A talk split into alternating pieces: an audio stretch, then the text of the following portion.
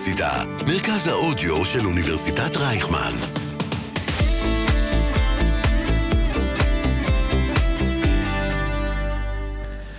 היום בחמוצים, אנחנו בשעה חדשה שלנו, יום אה, שני בשעה ארבע. נדבר על מתח בממשלה בין נתניהו לגלנט, מתח בעולם בין נתניהו לביידן, מתח בשטחים, מתח בפיגוע שהיה לנו עכשיו, מתח בגבול הלבנון, מתח בעזה והחמוצים בכלל היום במתח. אני מזכיר לכם, אנחנו מקליטים את התוכנית היום ב-15 לחודש, 15 לינואר, בשעה 4. עד שתשמעו אותנו, המציאות בוודאי הולכת להשתנות. החמוצים, המערכת הפוליטית על ספת הפסיכולוג, עם הפרופסור בועז בן דוד והפרופסור גלעד הירשברגר. שלום גלעד. שלום בועז, איזה הנחה, ושלום לא, שלום אפשר- למאזינות ולמאזינים. אי אפשר להתחיל פודקאסט שבוע אחד בלי שזה ילווה בהנחה, בלי שאני לא, אהיה... ההנחה רק הולכת וגדלה. לא, אני, אני חייב להיות כנה עם המאזינות והמאזינים שלנו, אני גם בהנחה בגלל מה שקרה וגם בהנחה מהכנה לכך שאתה הולך עוד יותר לדכא אותי, ואני צריך לסחוב את זה אחר כך הביתה. אה, אבל זה תקשיב, מאוד מעניין באמת, אתה יודע, מבחינה פסיכולוגית, שאתה בחרת לבלות אה, שעה בשבוע בלדבר איתי על הנושאים האלה, זה, זה, אתה לוקח את זה מאוד קשה. אני לוקח את זה קשה, זה נכון. אני, אני אולי אה, אתחיל עם סיפור קטן שאני חושב שממחיז את העסק. יודעי החן של התוכנית יודעים שיש לי עמותה, תמיכה נפשית ראשונית. ואחד הדברים שדנו בהם עכשיו זה קצת אה, מה אנחנו מתכננים ליום שאחרי שהמתח ירד, מה התוכניות שלנו לעתיד, והיום ישבנו ואמרנו אין צורך. המתח הולך להישאר כל כך הרבה זמן, אנחנו יכולים להמשיך את התוכניות שלנו לאיך אנחנו מתמודדים עם האוכלוסייה במצב אה, קשה, כן. ואת אין- התוכניות למצב כרגע אין רגיעה ממש אה, אור בקצה המנהרה. אפשר לדחות קדימה. אה, אנחנו חייבים להגיד כמה דברים שקרו בימים האחרונים. ציינו את יום המאה למלחמה, יום המאה לחטופים, באירועים שהיו למשל בכיכר החטופים ובכל הארץ, ציינו בכל האוניברסיטאות, גם אצלנו. וכמובן, היום אנחנו מקליטים ביום שני, היה לפני כמה זמן את הפיגוע המשולב ברעננה, תסיסה בשטחים, שמחה גדולה, גלעד. כן, אה, כמו שצ'רצ'יל אמר, זה לא ההתחלה של הסוף, אבל זה אולי סוף ההתחלה. באמת? סוף כן. ההתחלה, גלעד? זה אז זה רק אופטימי. אומר שהתחלנו, אתה יודע, שיש עוד אה. הרבה לאן אה, להתקדם מכאן. כן, אנחנו, אתה רוצה להתחיל בפוליטיקה? כן, שם כן, אז נגיע? אני. חושב שאחד האירועים אה, שהם אה, אה, אירועי מסגרת לכל מה שקורה ב, אה, בימים האחרונים, זה מתח אה, עצום שמדברים שהוא אה, מגיע לסף של אה, פיצוץ בין שתי קבוצות בקבינט הביטחוני. בין אה, מהמם. גנץ ואייזנקוט מצד אחד, ונתניהו וגלנט מהצד השני. נתניהו וגלנט. זאת אומרת, כן, חזרו. להיות בציר. הם חזרו, הם לא מסתדרים אחד עם השני, אבל הם כן. תמימי דעים לגבי הנקודה שהיא הנקודה שנמצאת במחלוקת בין, ה, בין הניצים, בין הצדדים, וזה בעצם הנושא של מלחמה וחטופים. מה שאומרים, אוי, מה שאומרים, חזרנו לשם, אה? מה שאומרים נתניהו וגלנט, מהמם. זה שהדרך, שאסור לעצור, ואסור אה, להגיע כרגע לאיזושהי פשרה עם אה, חמאס, מה שצריך לעשות זה לחתור קדימה עד הסוף, והלחץ הצבאי בסופו של דבר יוביל לשחרור החטופים. אני, אני אוסיף כאן בסוגריים, וגם אם לא יוביל, המטרה החשובה היא המלחמה, ולכן הכל בסדר. נכון. זאת אומרת, זאת אומרת שיש כאן, הם לא אומרים את זה, אגב, אבל אנחנו, אנחנו מבינים, אנחנו גם יודעים, אחד הדברים שצריך להגיד זה שאנחנו יודעים שהלוחמה היא לא זו שמשחררת את החטופים, כן? זה לא מה שמשחרר חטופים, לא עכשיו ולא, אה, ולא בעבר, אה, אבל זה הטיעון שלהם. הטיעון של הצד השני זה שצריך לשים את הנושא של החטופים בראש סדר העדיפויות, זה מה שכרגע אה, אייזנקוט וגנץ אומרים, שהאמת שזה זה, זה מפתיע במידה מסוימת, ו... אה, למה ו- זה מפתיע אותך? היה לנו דיון ארוך פה בתוכנית על כך שאמרת שנושא החטופים הוא בדיוק קו, המפ... קו ה... הקו שמפריד בתוך הפוליטיקה הישראלית, בין ב- גישות יותר בציבור, ניציות אבל ליותר עדיין מדובר עיוניות. כאן בשני רמטכ"לים לשעבר. אה, אבל הם, מייצ... הם נבחרו ומייצגים אה, מחנה מסוים. נכון, אבל יש להם גם את העמדה שלהם, ואני, ואני לא בטוח שהמחנה שלהם לגמרי נמצא איתם. אני אפילו אה, די מפקפק בזה שה... באמת? כן, אני חושב, אני חושב שיש הרבה אמביוולנטיות לגבי העניין הזה, כי צריך להבין את המשמעות של עסקת חטופים כרגע. עסקת אה, חטופים שתהיה עכשיו, זה כבר לא לא תיראה- שראינו קודם. זה לא מה שראינו קודם. כן. אה, צריך, לה, צריך לה, להבין שסינואר אה, אה, בעצם מבין שהוא טעה בעסקה הקודמת. כן. בעסקה הקודמת חושב שהוא ימשוך את הזמן, שהפסקת האש אני תתארך. מרגיש שאנחנו טעינו שלא קשה- הצלחנו למשוך אותה לעוד יומיים ולשחרר עוד 20 איש. נכון, זה- יכול להיות, יכול להיות, אבל בסך יודע, הכל כן צריך. כן צריך אה, להודות על זה שהעסקה הזאת התקיימה, מהמם. אה, אבל סינואר למד מזה, והיום הדרישות של חמאס הן דרישות אה, מאוד ברורות של הפסקת הלחימה ונסיגת צה"ל מעזה. אה, המשמעות של זה היא בפועל ניצחון של חמאס במערכה הזאת, כן? הם, הם יכריזו על ניצחון, זה ייראה כמו ניצחון. ויש כאן אה, שתי בעיות לגבי, יש כאן בעיה אחת מהותית, ויש כאן בעיה שנייה שהיא בעיה פוליטית. מהמם. הבעיה המהותית זה שבמידה ותצטייר תמונה של ניצחון של חמאס במערכה הזאת, זאת אומרת שצה"ל, שבאמת ניסוג ונשחרר את החטופים, אם, אם באמת רגע, נעשה... רגע, רגע, רגע, למה- למה אתה, סליחה, לא, לא, לא, לא. למה אתה מניח שעסקת חטופים אומרת נסיגה? בגלל שאלה הדרישות של חמאס. ואני לא רואה אפשרות, צריך להבין דבר אחד, מה, הבנתי יש, אותך. יש משהו שהם לא יעשו. הבנתי אותך. יש דבר אחד שהם לא יעשו בצורה שהיא, כן, צריך, אה, אה, לא יודע, זה, זה לא יהיה הגיוני אם הם אה, יעשו. אין מצב שחמאס ישחררו את החטופים רק כדי שמאותה נקודה נוכל לשוב ולחסל אותם. כן, זה, זה משהו שהוא אה, לא הגיוני בעליל, שזה בעצם מה שהיה בעסקה הקודמת. אז הם למדו מזה. זה אומר שהם יצטרכו לקבל את הערבויות המתאימות, שזה אולי ערבויות בינלאומיות, זה אולי אה, נסיגה מלאה של צה"ל מהשטחים, וערבויות בינלאומיות שמבטיחות שבעצם הלחימה הופסקה. אתה באמת חושב, סליחה, בוא תשטוף לי, בוא, אנחנו, אנחנו, אנחנו עכשיו בתוכנית, אה, גלעד הורס לבועז את התקוות. אין שום אפשרות, למרות מה שאני קורא אצל הפרשנים, לעסקה שאינה כוללת נסיגה מלאה של ישראל? אני חושב שהסיכוי לכך הוא קטן מאוד. אני חושב ששוב, הבנתי. אם, אם, צריך, אם נחשוב קצת על האינטרס שלהם, מהמם. ונבין שהם לא ירצו עסקה שבה בואו תיקחו את החטופים שלכם ועכשיו תוכלו לא, תיקחו להפציץ אותנו, תיקחו- תיקחו ועכשיו עשרה. ותיתנו לנו המון אה, בחזרה ונעשה מזה תמונת בואו, ניצחון. לא, אה, בואו. תיקחו את החטופים שלכם ועכשיו תוכלו להפציץ אהה. אותנו בלי בעיה בגלל שלא יהיה לכם את הדאגה שיש שם חטופים. מהמם. זה הסיכוי שדבר כזה יקרה הוא לא מאוד גבוה. מהמם. וגם צריך לציין שכנראה שהחמאס בתור ארגון לא נמצא בלחץ מאוד גדול. זאת אומרת שה... כן, אני, אני חייב להגיד לך, למרות שהמצב ברצועה הוא קטסטרופה, המצב לא. של חמאס כנראה לא קטסטרופה. אני חייב להגיד עוד משהו, נדמה לי, ואני לא מומחה צבאי, אבל משיחות ו- ומניסיון שלי להעריך, נדמה לי שהם לא בלחץ ל- ל- לקרוע את עצמם ולהילחם איתנו. מספיק להם כל יום אה, שכמה יקפצו, נכון, יהרגו אחד, לא יהרגו אחד, מחופרים. הכל טוב. יש עדיין אזורים ברצועה שאנחנו לא אה, השתלטנו עליהם, יש הרבה אזורים כאלה. כן, אה, כל זה הדרום. ממש מרגיש שיש זמן, הכל. בסדר, כן. אין לחץ. אתם, אתם, ה- אתם יש לכם מה להפסיד. העובד, המילואימניקים רוצים הביתה, כן, קשה יש- לכם הכלכלה, אה. אנחנו, האסטרטגיה של חמאס, והיא אסטרטגיה חכמה, זאת מלחמת התשה. כן. בואו נמשוך אתכם עד שבסוף לא תוכלו ותצטרכו לצאת, ואז זה יהיה הניצחון שלנו. ומאחר ולא אכפת להם מהרעב בעזה כי זה בעיה שלנו, מאחר לא אכפת להם מהמתים בעזה כי זה בעיה שלנו, אין לנו, אין לנו אף כפתור ללחוץ עליהם. אוקיי, אז עכשיו בואו נחזור לאינטרס הישראלי. כן. אוקיי?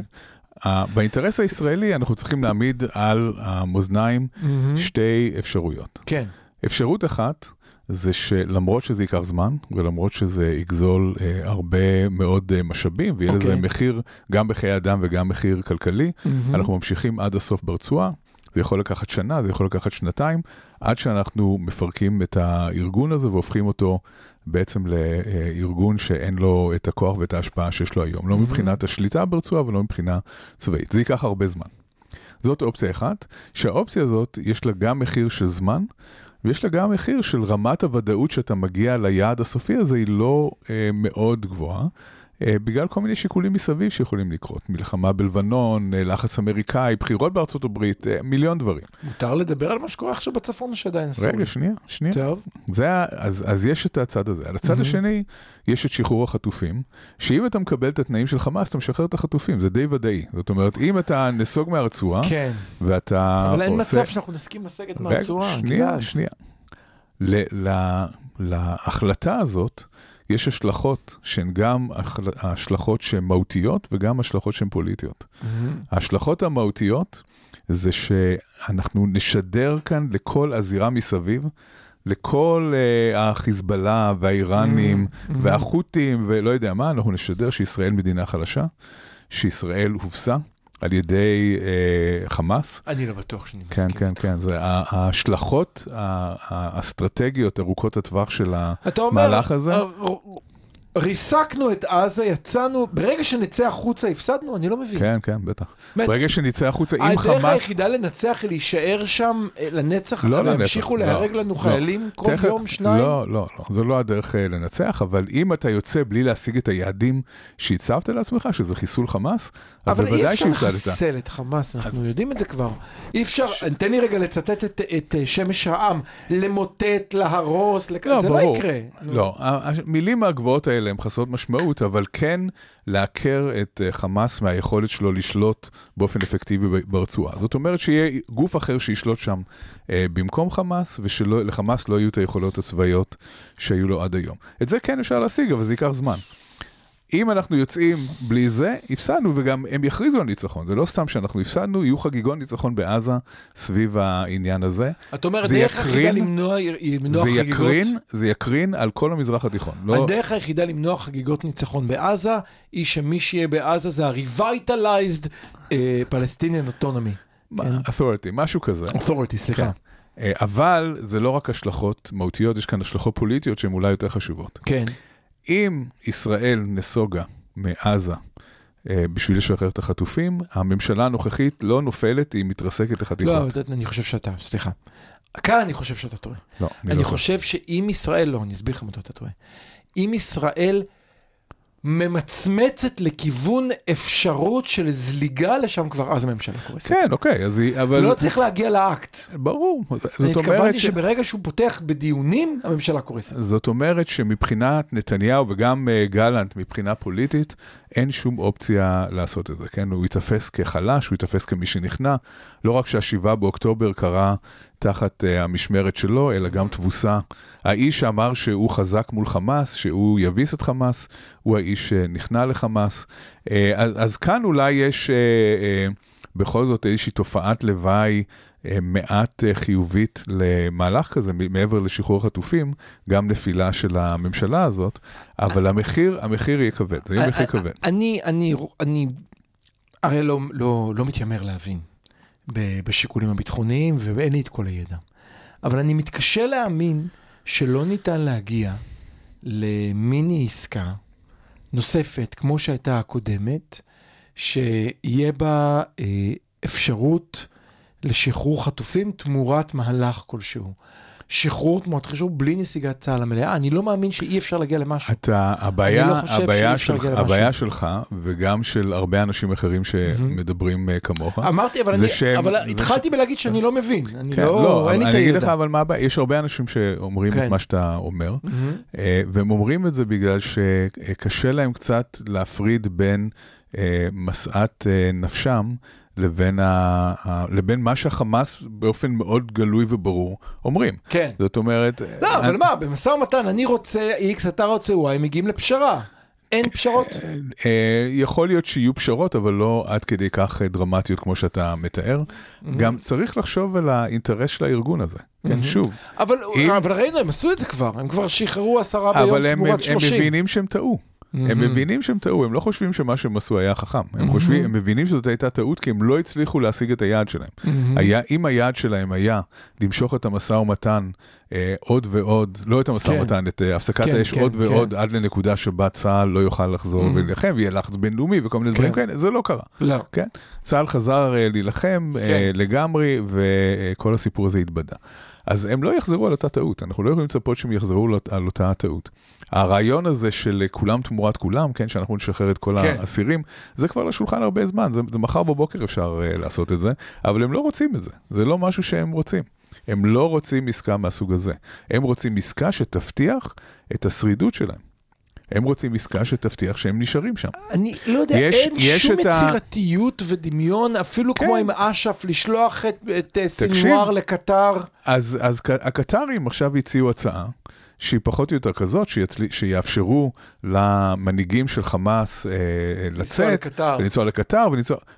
החמאס לא רוצים את זה. זאת אומרת, ההצעה הקטרית שהיא הצעה שהיא בעצם אומרת תבוסה ישראלית, אבל הנה, קחו, אנחנו נוציא את המנהיגים של אה, חמאס מהרצועה, גם את זה חמאס לא רוצים. הם לא נמצאים בנקודה שאנחנו היינו רוצים שהם יהיו בה, שהם נואשים. הם לא נואשים. הם לא במצב שבו הם אומרים, אין לנו ברירה, אנחנו חי- חייבים לקבל את מה שישראל אה, אם תיתן. אני לוקח את התיאוריה של גימל הירשברגר, שהדרך היחידה להגיע לסיום זה כשכל הצדדים נואשים, נדמה לי שצד אחד מתחיל להתייאש וצד שני לא. נכון, אז אה, מה הצד שאנחנו... שמתחיל להתייאש זה הצד, סליחה, ואנחנו. אבל רגע, אני אסביר מדוע. כן. זה הצד שהוא דמוקרטי, זה הצד שאכפת לו מחיי אדם, זה, אכפת, זה הצד שאכפת לו מחיי חייליו, מחיי העורף נכון, שלו, נכון.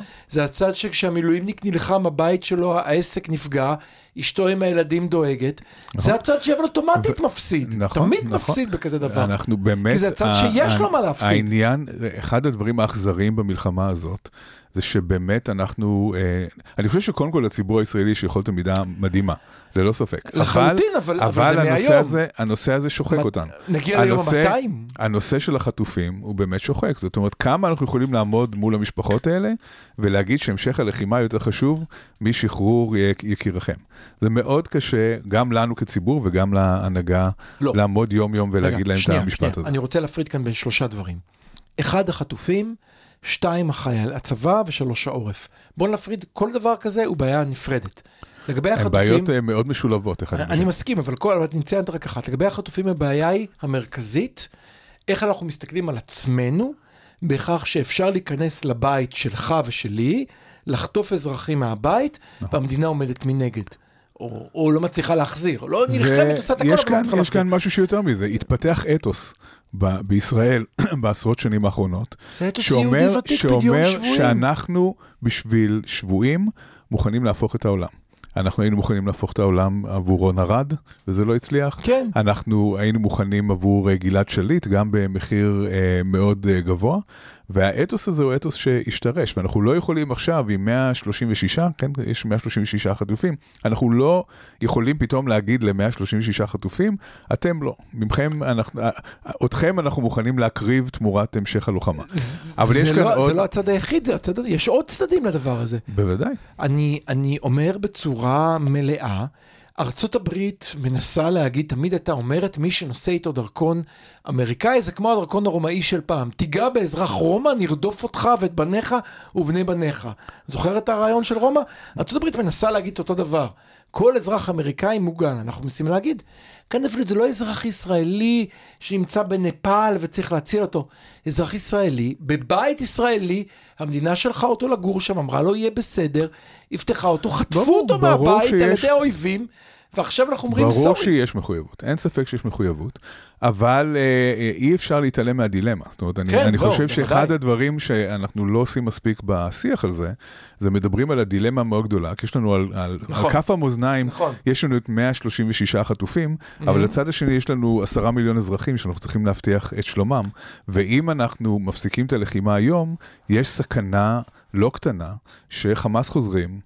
והשישה לאוקטובר, אנחנו חוזרים למ- למציאות של השישה לאוקטובר, ואנחנו לא מאפשרים באמת אה, חיים אה, בטוחים בעוטף, ואנחנו לא מאפשרים חיים בטוחים בצפון הארץ, ואנחנו צריכים לשקול את כל השיקולים המורכבים האלה, זה לא רק החטופים. החטופים מאוד חשובים. אבל, אבל זה לא הדבר היחידי שעומד על כף המאזניים.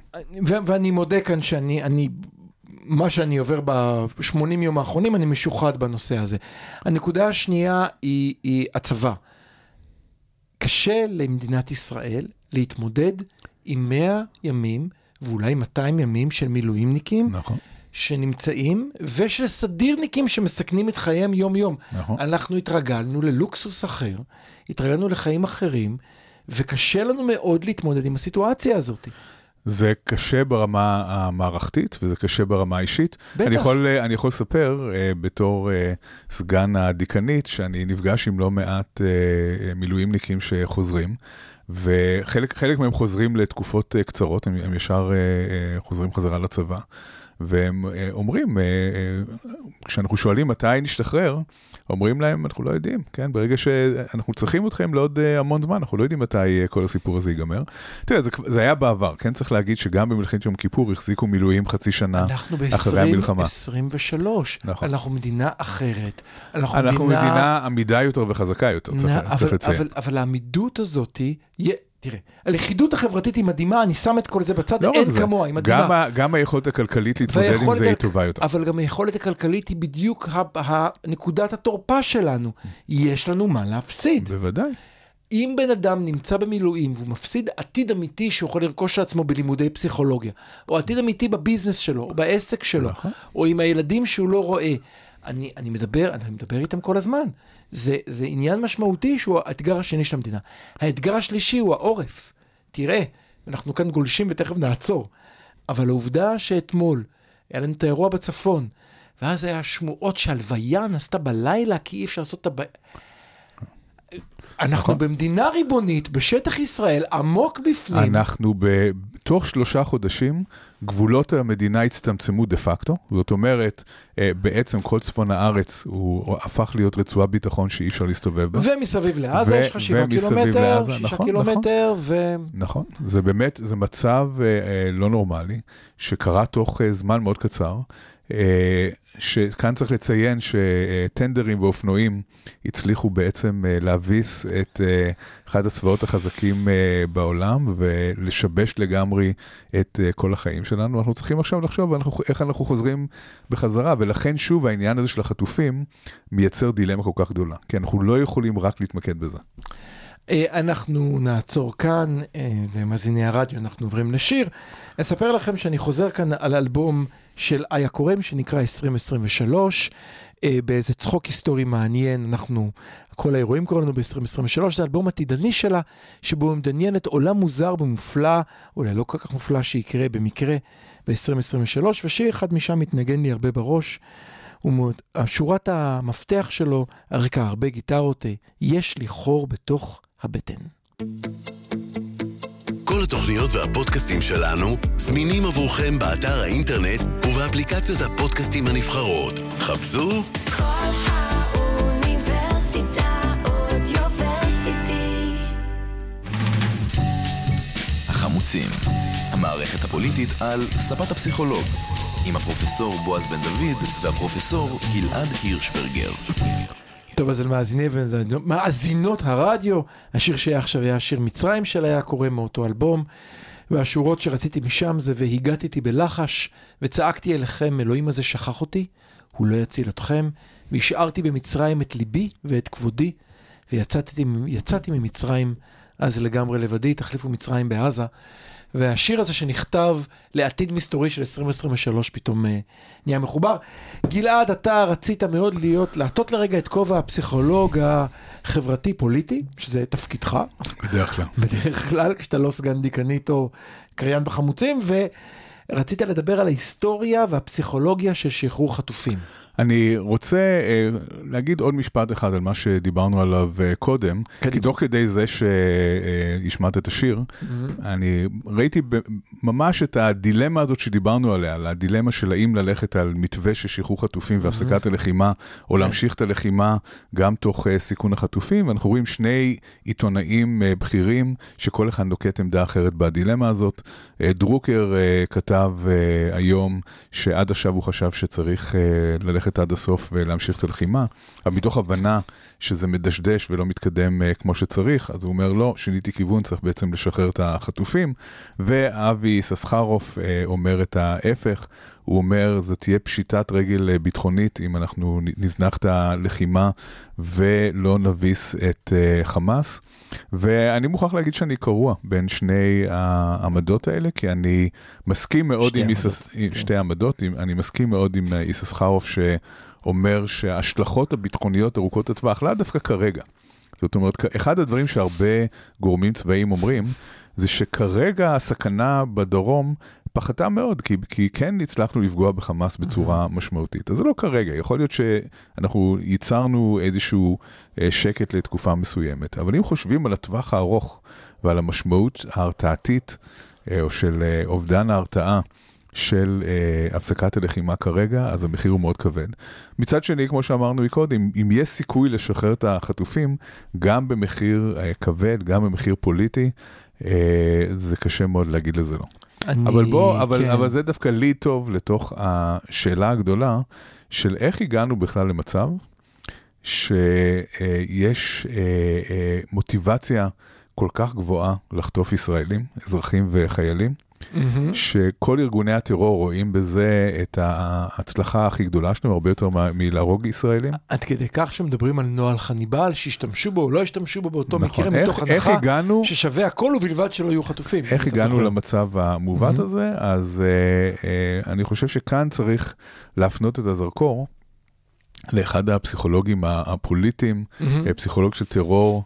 אה, מאוד אה, ידועים בחוגים של המשא ומתן, אבל לא מאוד מוכרים לציבור, אני חושב. אה, פרופסור אריאל מררי מאוניברסיטת תל אביב, אתה למדת אצלו? אתה למדת בתל אביב? לא למדתי. אז, אז הפסדת, הוא איש מאוד מיוחד, אני לא מכיר אותו באופן אישי אגב, אבל אני מכיר את העבודות שלו, ומררי היה שותף פעיל בכל המשאים ומתנים לשחרור חטופים, בכל האירועים של, אה, אה, אירועים שבהם היו בני ערובה בשנות ה-70, והיו לא מעט כאלה, מהמם. כן, אה, רק אה, תזכיר לנו בבקשה. רשימה חלקית. לאלה מאיתנו שנולדו קצת כן. מאוחר יותר.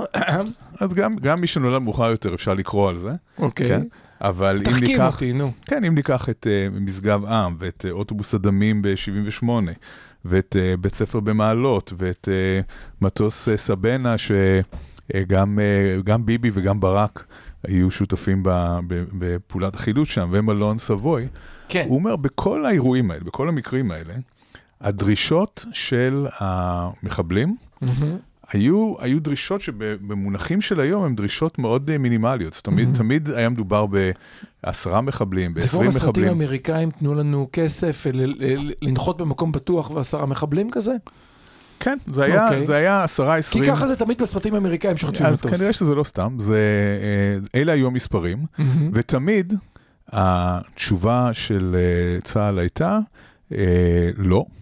ו, אה, ו, וניסו תמיד בפעולת חילוץ, גם אם פעולת החילוץ הסתיימה בסופו של דבר בהרוגים. יותר הרוגים מכמה ש... התפיסה, התפיסה כן. הייתה לא נושאים ונותנים עם אה, מחבלים, מהמם. ולא, אה, ולא, ולא, ומנסים קודם ב, בצו- באופן צבאי.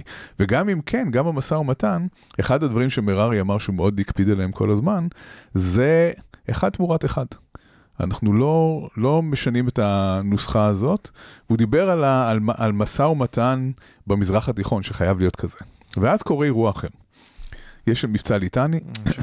במבצע- אותו, כן. במבצע ליטני אה, נשבו חמישה אה, ישראלים, ארבע בסופו של דבר אה, נהרגו, ואחד, אה, אברהם עמרם, אה, היה, היחידי מהשבויים שהוא חי, והתחיל משא ומתן.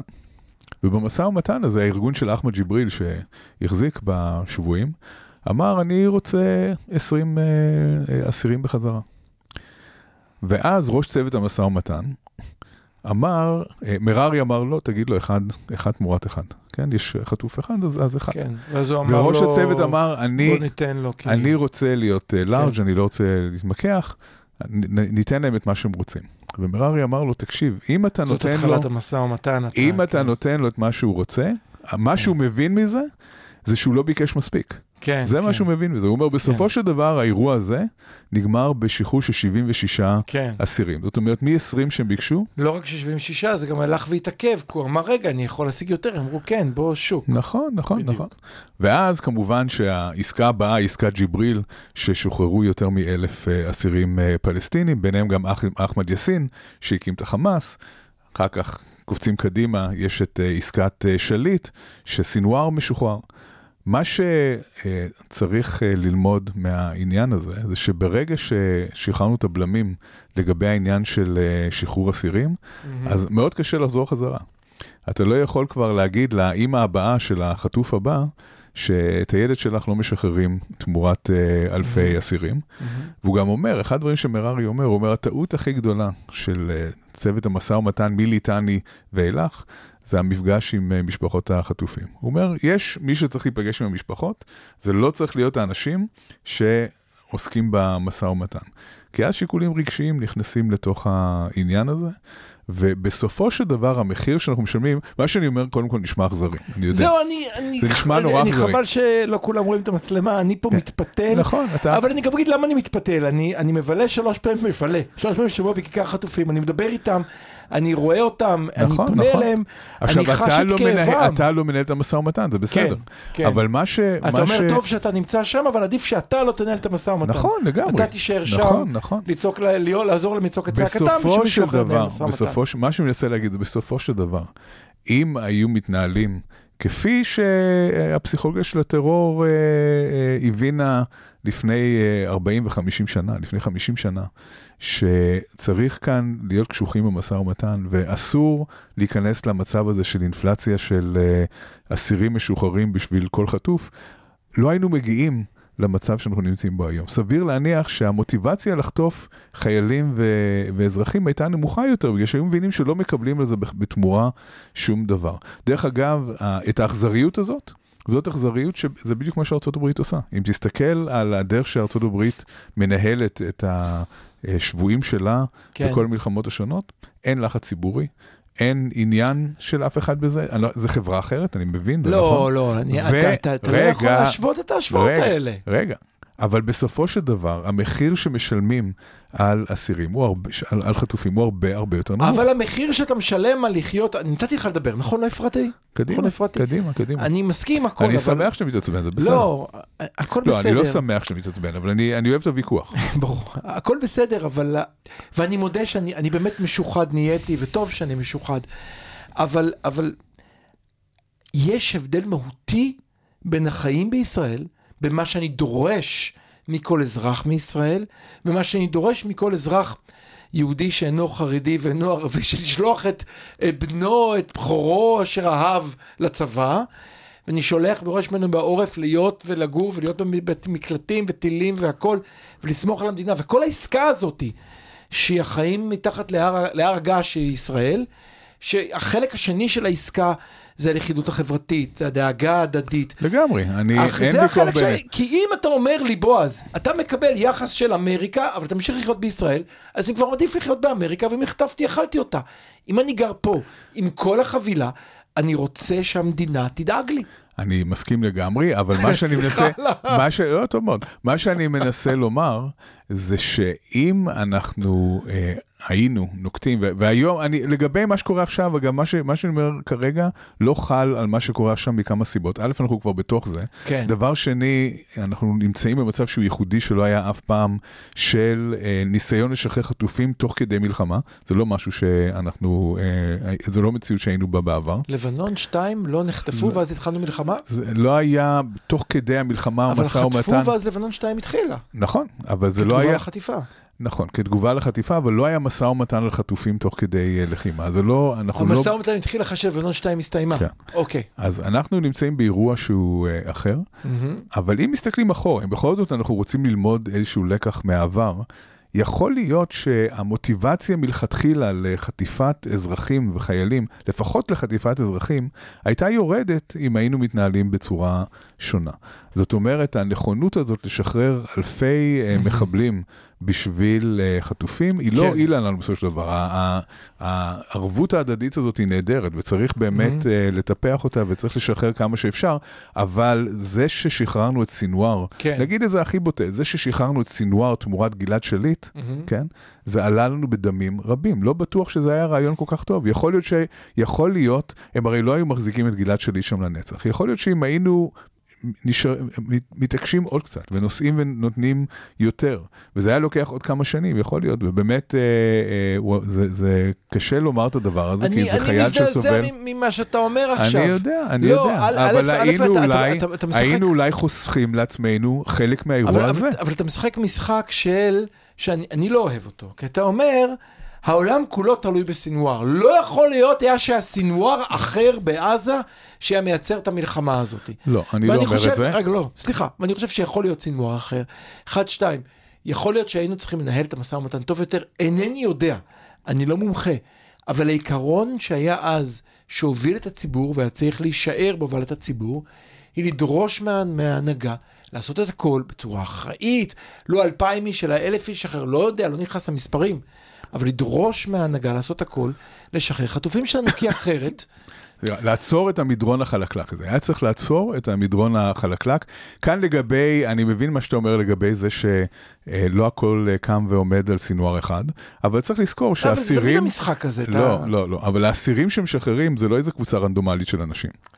אבל אנחנו... אלה אז- אנשים- כל מי אלה- שהתראיין אמר שלא רבי- ידענו מי זה סינואר. אלה רבי, רבי מחבלים. אלה סינואר- אנשים... סינואר לא היה כזה, לא היה כזה דמות לא- באותה תקופה. לא, כל, הוא כן היה, הוא היה, הוא היה מנהיג, הוא היה מנהיג. דיברו עם המש- אלה. ששחררו אותו, דיברו הוא היה. מנהיג, הוא היה יש מנהיג. שהיו עכשיו זה לא רעיונות משנה. עומק עם כל החוקרים שלו, הם לא הבינו מה הם משחררים, הם אומרים לא- את זה בצורה זה לא ישירה. מש- האנשים ששוחררו מבתי כלא ישראלים הם מחבלים. זה לא, אנש, זה לא קבוצה רנדומלית של אנשים. זה לא גנבי רכב, וזה לא, לא, ברור, וזה ברור. לא פורצים לבתים. ברור. אלה, אלה מחבלים. זאת אומרת, אלה אנשים שאתה יכול להניח שאם אתה משחרר אותם, יש סיכוי שיחזרו ויפגעו בישראלים. גם את זה צריך לשקול. אי אפשר להתעלם גם מהעניין הזה. אנחנו, כן מותר עם כל האמוציונליות וכל הרצון אה, להביא את החטופים הביתה, שהוא גם רצון שלי, אני לגמרי מזדהה עם, ה, עם הרצון הזה, כן מותר לחשוב בצורה רציונלית על מה שעשינו בעבר ו, ולהפיק לקחים ולראות האם זאת הדרך שבה אנחנו הולכים להמשיך קדימה מעכשיו ואילך. ושוב, לא לגבי עסקת החטופים הנוכחית. כן. העסקה הנוכחית תוביל גם לזה שיחטפו בעתיד אה, אה, חטו, אה, אזרחים, בגלל שכדאי, בגלל שכדאי לעשות את זה, בגלל שזה מביא לרווחים. אה, אם ישראל תיסוג מהרצועה וצה"ל בעצם אה, יפסיד במערכה הזאת, כן. אז זה יראה שחטיפה היא הדרך המשתלמת ביותר והטובה ביותר להוריד את ישראל על הברכיים. אני מבין כל מה שאתה אומר, אני רק רוצה להוסיף לזה בשביל לגרום לבעיה הזאת להיות עוד יותר קומפלקס. אני רוצה להוסיף שהצד השני שאומר שאנחנו נותנים להם למות ורואים כל יום אה, הוצאה להורג שלהם ב live style דאעש או מה שלא יהיה, גם לה יש מחיר ציבורי. בוודאי, גם לה יש מחיר ציבורי לי ולך לחיינו לגמרי, כאן.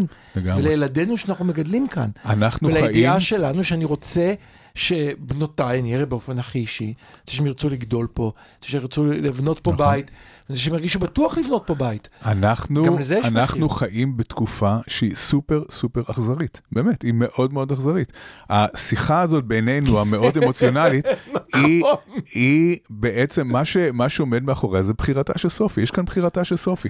במי. אנחנו בוחרים? האם אנחנו בוחרים בילד שנמצא כרגע במערה בעזה, או שאנחנו בוחרים בילד שלא נמצא במערה בעזה ואנחנו לא רוצים שיגיע למערה בעזה, וזה מאוד מאוד קשה, זו, זאת בחירה שהיא מאוד קשה, בהחלט. אני, לפני שנעבור uh, לשיר ולחלק הבא, אני אסיים לך בעוד סיפור, סיפור קטן מכיכר החטופים אתמול. מגיעים אלינו מספר uh, uh, ילדים, מתברר שהיה אירוע מאוד מעניין, מאוד יפה, שבו תנועות נוער עודדו לבוא ולהביע הזדהות ב, ביום המאה. ואז סיפרה לי ילדה בכיתה, נערה בכיתה י', היא מדריכה, לא חשוב איפה, והיא חלקה איתנו דילמה, אחת מהחניכות שלה, לא משנה באיזה כיתה, אחיה נרצח בנובה. עכשיו, היא ילדה בכיתה י' צריכה להתמודד עם זה. ואני יצאתי מזה מתוך המחשבה שילדה בכיתה י' בישראל, שהיא מדריכה, והיא הלכה להיות מדריכה בתנועת נוער, צריכה להתמודד עם ילדה קטנה, שאותה היא מדריכה, שאח שלה נרצח בנובה ועכשיו יש מלחמה. לאן הגענו במדינה הזאת? הדילמות ו- האלה הן באמת לא הגיוניות. עוצרים לשיר וכבר חוזרים, ובחלק האחרון אנחנו נצטרך להרחיב ולדבר גם קצת על מה שקורה בשטחים.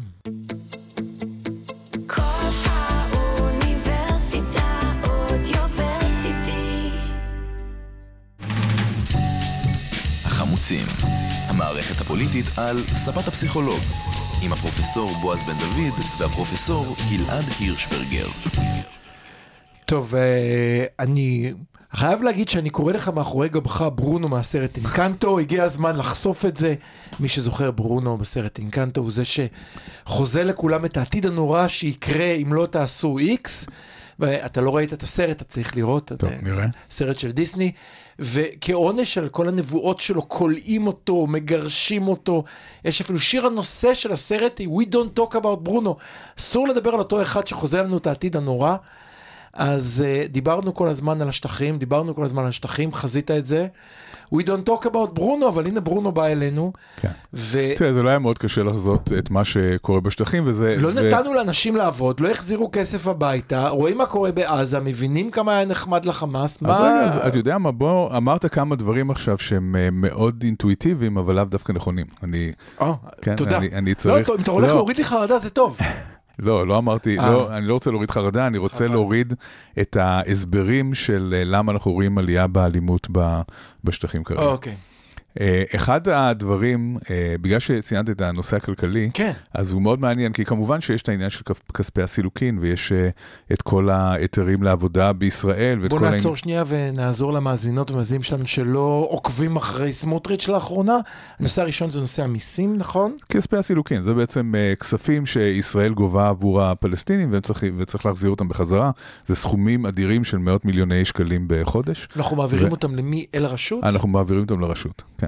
עכשיו, אה, יש אה, גם ניואנס, השני, כן, יש ניואנס בכ- בתוך הדבר הזה, שישראל מוכנה להעביר אה, לרשות, אבל לא מוכנה שזה יעבור, ל... הרשות גם משלמת לאנשים ברצועת עזה, בעצם עובדים שלה ברצועה, ואנחנו לא מוכנים שזה יגיע לרצועה, זה חלק גדול מה, מהבעיה כרגע. אה, אבל כאן גם צריך לציין שאם אנחנו רוצים את הרשות הפלסטינית, כן, כמו שביידן אה, אומר, ה- ה- Revitalize! ה-revitalize, אני חייב להגיד את זה כל תוכנית. כן, ה-revitalize, אז אנחנו צריכים את האנשים של הרשות הפלסטינית. בוודאי. אה, ואנחנו צריכים אותם מרוצים, מקבלים שכר מהם ולא מקבלים כן, שכר מקטר. אבל אני אגיד משהו, בניתוחים שאנחנו עושים, שבודקים מה משפיע על רמת האלימות בשטחים, אחד הממצאים המפתיעים זה מה אנחנו לא מוצאים. אוקיי. אנחנו לא מוצאים שהשיקולים הכלכליים הם השיקולים המרכזיים שמשפיעים על רמת האלימות. זאת אומרת, האלימות כאן היא לא מתוך אה, מצוקה כלכלית. אה, זה לא הגורם המשפיע. רגע, אם הפלסטינים ימשיכו לא לעבוד ולא לקבל כסף, זה לא מגדיל את הרצון שלהם להתפוצץ ושילכו כולם... אה, יכול להיות שזה מגדיל, אבל אלה לא הפקטורים המשמעותיים. זאת אומרת, אם אנחנו צריכים. לסנטז את נשמע הגיוני, הדברים, לא? אם אם אתה... אנחנו צריכים לסנטז את הדברים העיקריים, אוקיי. הדברים העיקריים נוגעים יותר לאדמה ופחות לכסף. הדברים העיקריים נוגעים להרחבה של אה, יישובים יהודים, מאחזים אה, יהודים, אה, חוסר יכולת של הפלסטינים לבנות ולהרחיב את היישובים שלהם. אלה דברים שמשפיעים יותר מאשר המצוקה הכלכלית בגדה. זה מפתיע, אבל לא רק שזה מפתיע, זה אפילו אופטימי, גלעד, אני, אתה, זה לא אתה חייב אופטימי. להפסיק עם זה, זה זה מאוד לא אופטימי. זה לא אופטימי. כי זה אומר שיש דרך לפתור את הבעיה הזאת. זה, אתה מנתח את זה לא נכון לדעתי. אוקיי. מה לא, שזה אתה אומר, עשית אופטימיות, זה חלק מהתוכנית היום. מה שזה אומר שאנחנו כאן במלחמה לאומית, אנחנו במלחמה על אדמה, אנחנו לא במלחמה על כסף. זאת אומרת, הפלסטינים לא נלחמים על uh, זה שיהיה להם, uh, כן, uh, פעם אמרו וילה ווולבו, הם, כן. לא, הם לא נלחמים כן. על זה, הם נלחמים על זה שהאדמה תהיה שלהם, הם נלחמים כאן על כל גרגר של אדמה, זה, ה- זה ה- המהות של לא, המלחמה. לא, רגע, רגע, אני רוצה להבין את ההבדל. אני רוצה להבין. זאת אומרת, הנקודה היא שכמו ביישובים הערביים בישראל, המאבק מאוד גדול הוא, אני רוצה להרחיב, כי אני רוצה שהבן שלי יגור לידי ואי אפשר. לא, לא, או- לא, אוקיי. לא, לא, לא. אוקיי. זה, זה מדהים שאתה אומר את זה, אני מוכרח להגיד. מדהים אותי, מהמם. באמת. טוב מאוד, כי זה, בשביל זה כי, אנחנו פה, תמשיך. כי אה, אנחנו לא מבינים שהמאבק פה הוא מאבק על האדמה. Mm-hmm. המאבק הוא על האדמה שאנחנו נמצאים בה, למי היא שייכת. לא, ה- לא האדמה הקרובה לבית שלך שתוכל אה, לשים את, ה, Mm-hmm. את ה, הבן שלך בדירה ליד, זה לא הרעיון. הרעיון כאן הוא האדמה עצמה, זה, אנחנו, אנחנו נלחמים על עניין לאומי. אוקיי. המאבק הוא קולקטיבי, הוא לא אינדיבידואלי. הוא לא על, על אה, תנאי מחיה והוא לא על, אה, על, על כלכלה. הוא מאבק לאומי ממש, כן, מי על האדמה הזאת כולה. ו... אה, דגש על המילה כולה, לא הזאת. וה... אוקיי. לא, אז, אז בתוך השטחים זה במיוחד חזק הנושא הזה, כן? זאת השאלה, כן. כי אם זה הזאת בתוך השטחים, אפשר לחשוב על פתרונות. אם זה כולה, אי אפשר לחשוב על פתרונות. לא, אז, אז אני חושב זאת ש... השאלה המהותית בעיניי. זאת שאלה שאין לה תשובה, האמת. כן. זאת שאלה... אתה מבין למה אני מתכוון? כן, אם כן, כן. הנקודה היא, תתכנסו בתוך גושי התיישבויות ותנו לנו את כל היתר, זה פתרון.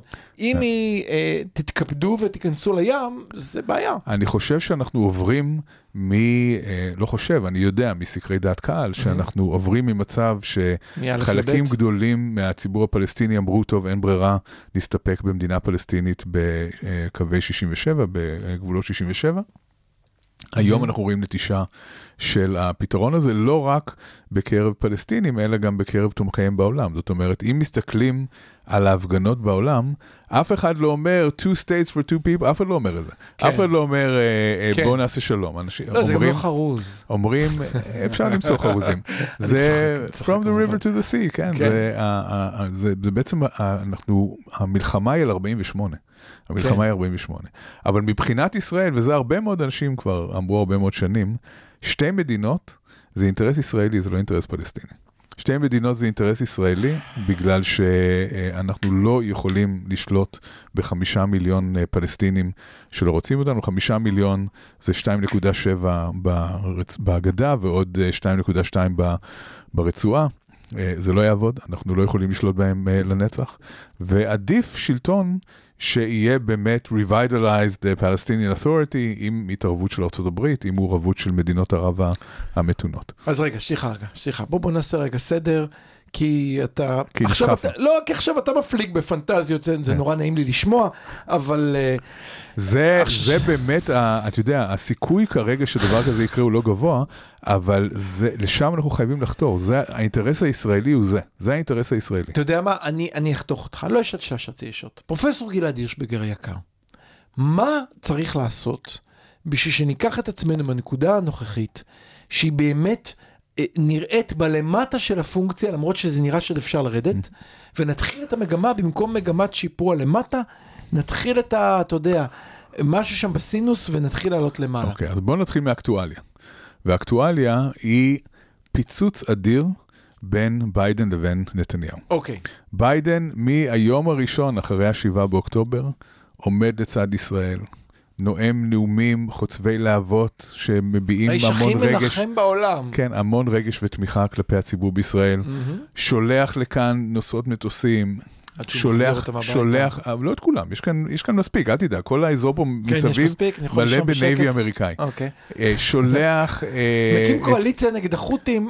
שולח, מקים קואליציה נגד החות'ים, שולח אה, המון המון ציוד אה, צבאי. כן. ישראל כמובן לא יכולה להילחם בלי העזרה השוטפת האמריקאית הזאת, וגם כאן.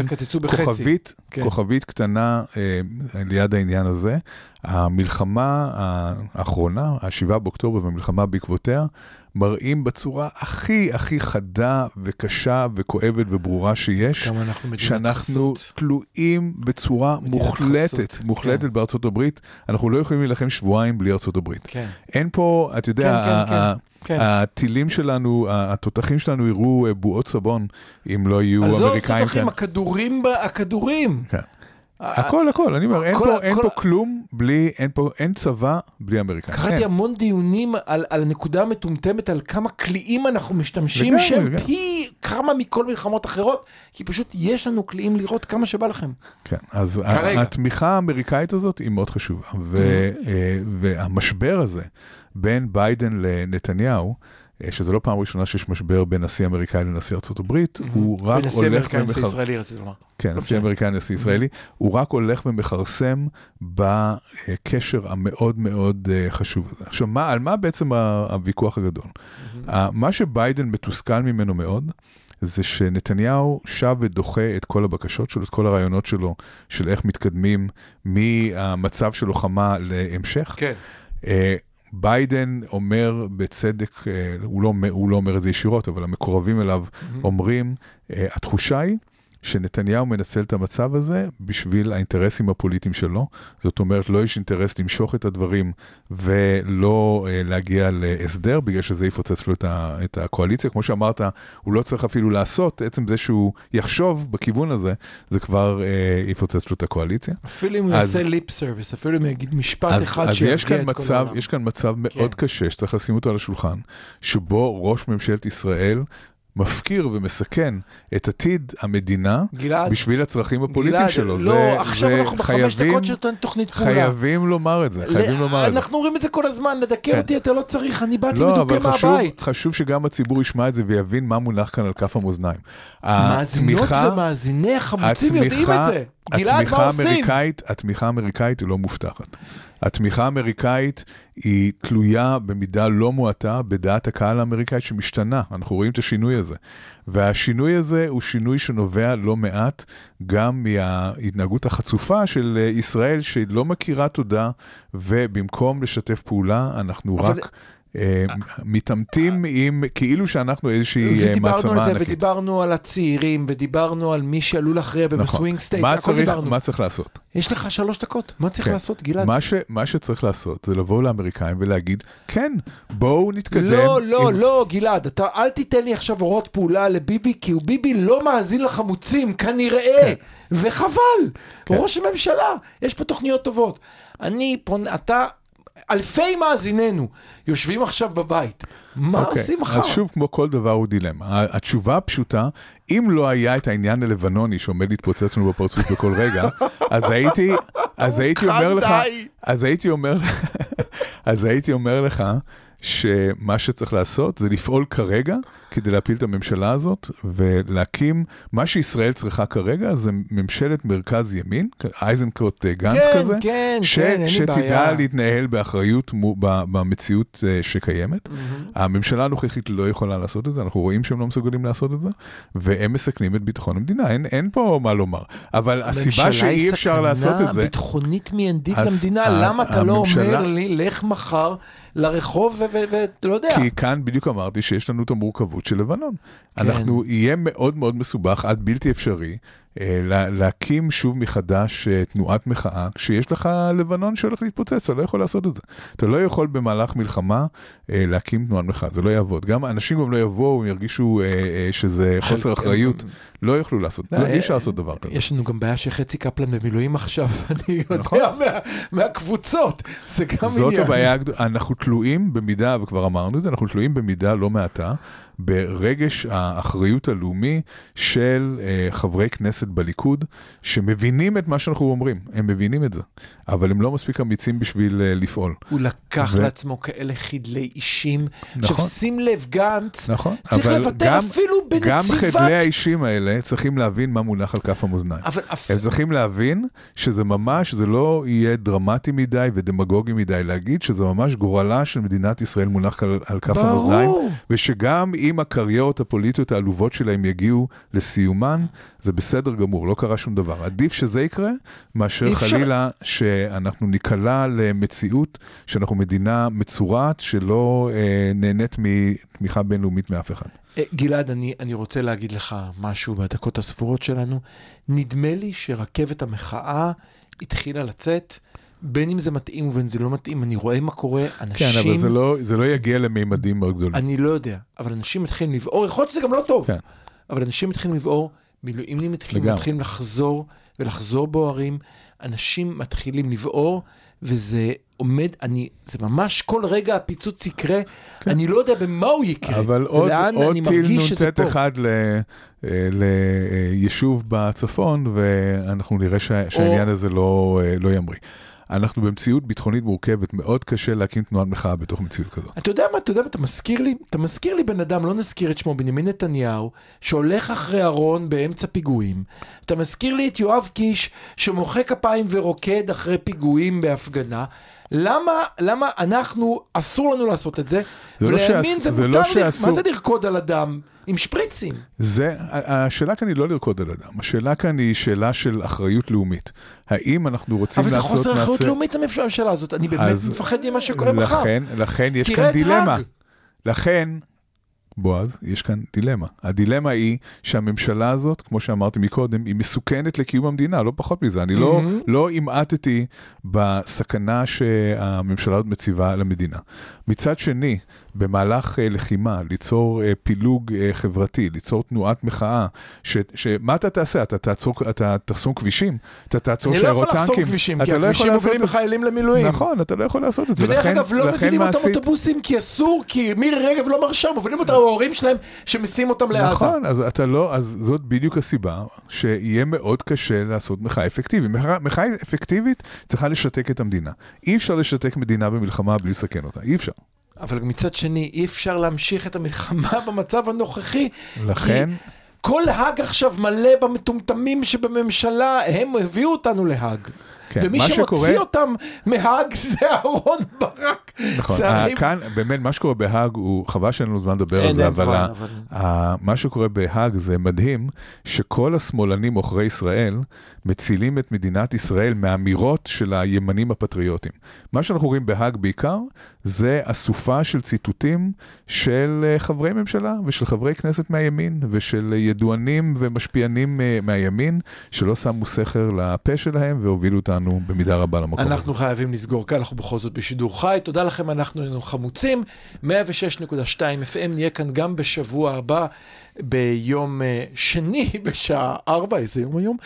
אה, אפשר למצוא אותנו בכל מקום שבו אתם צורכים את ההסכתים שלכם. נודה לכם אם תעשו לנו לייק, subscribe ותדרגו אותנו, זה עוזר לנו להגיע למאזינים נוספים. אה, תהיו חזקים, תשמרו על עצמכם, וביחד ננצח, נראה לי.